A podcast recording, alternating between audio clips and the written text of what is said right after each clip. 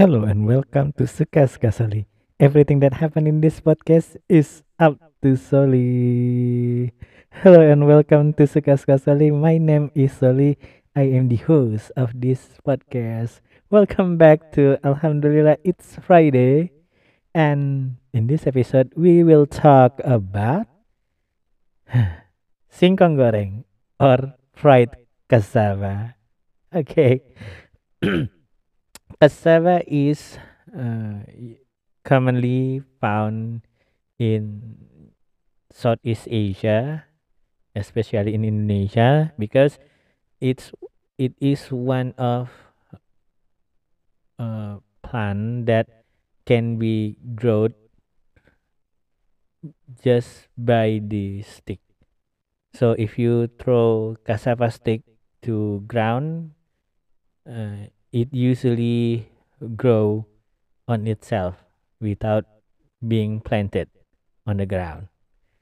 Okay, so why is uh, fried cassava is uh, so much important to Indonesia? Because yeah, the the ability to grow this plant is one that makes this food is really common in Indonesia. Okay, fried cassava. Fried cassava is yeah cassava that was deep fried by uh, very very hot oil, cooking oil.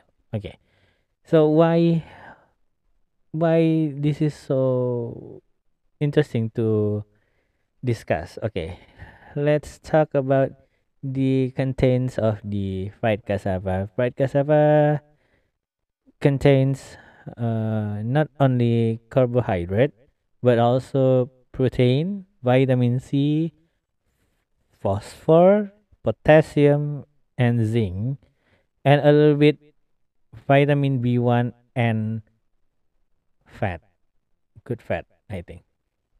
So if you come to Indonesia, cassava is not commonly be found in street food area or high-end restaurant because some local Indonesian uh, people uh, will cook this uh, food uh, occasionally on several occasions such as uh, if you want to have uh, afternoon tea uh, you will have uh, tea with cassava fried cassava. Okay yes that's why it is not commonly be found in uh, street food area or high-end restaurant.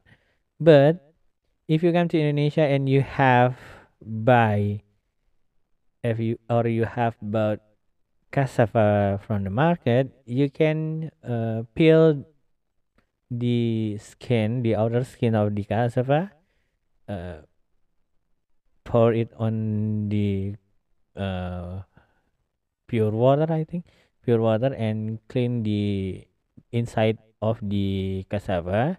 If you already clean the cassava uh, the inside of the cassava you can chop it to a little little tiny pieces and uh, adding salt to it. Uh, marinate it with salt and pepper but it's usually just uh, salt. Yeah uh, let it marinate i think 5 to 10 minutes. So yeah deep fried the cassava that was easy to cook but when you serve the uh, fried cassava, you can add uh, various uh, way to serve it.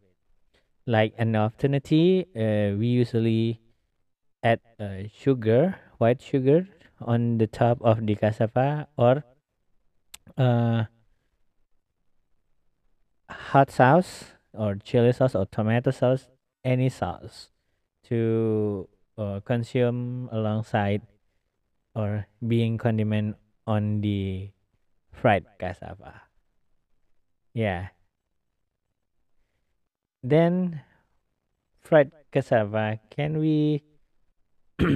so there uh, in Indonesia there there's a lot of uh, snacks that came from cassava.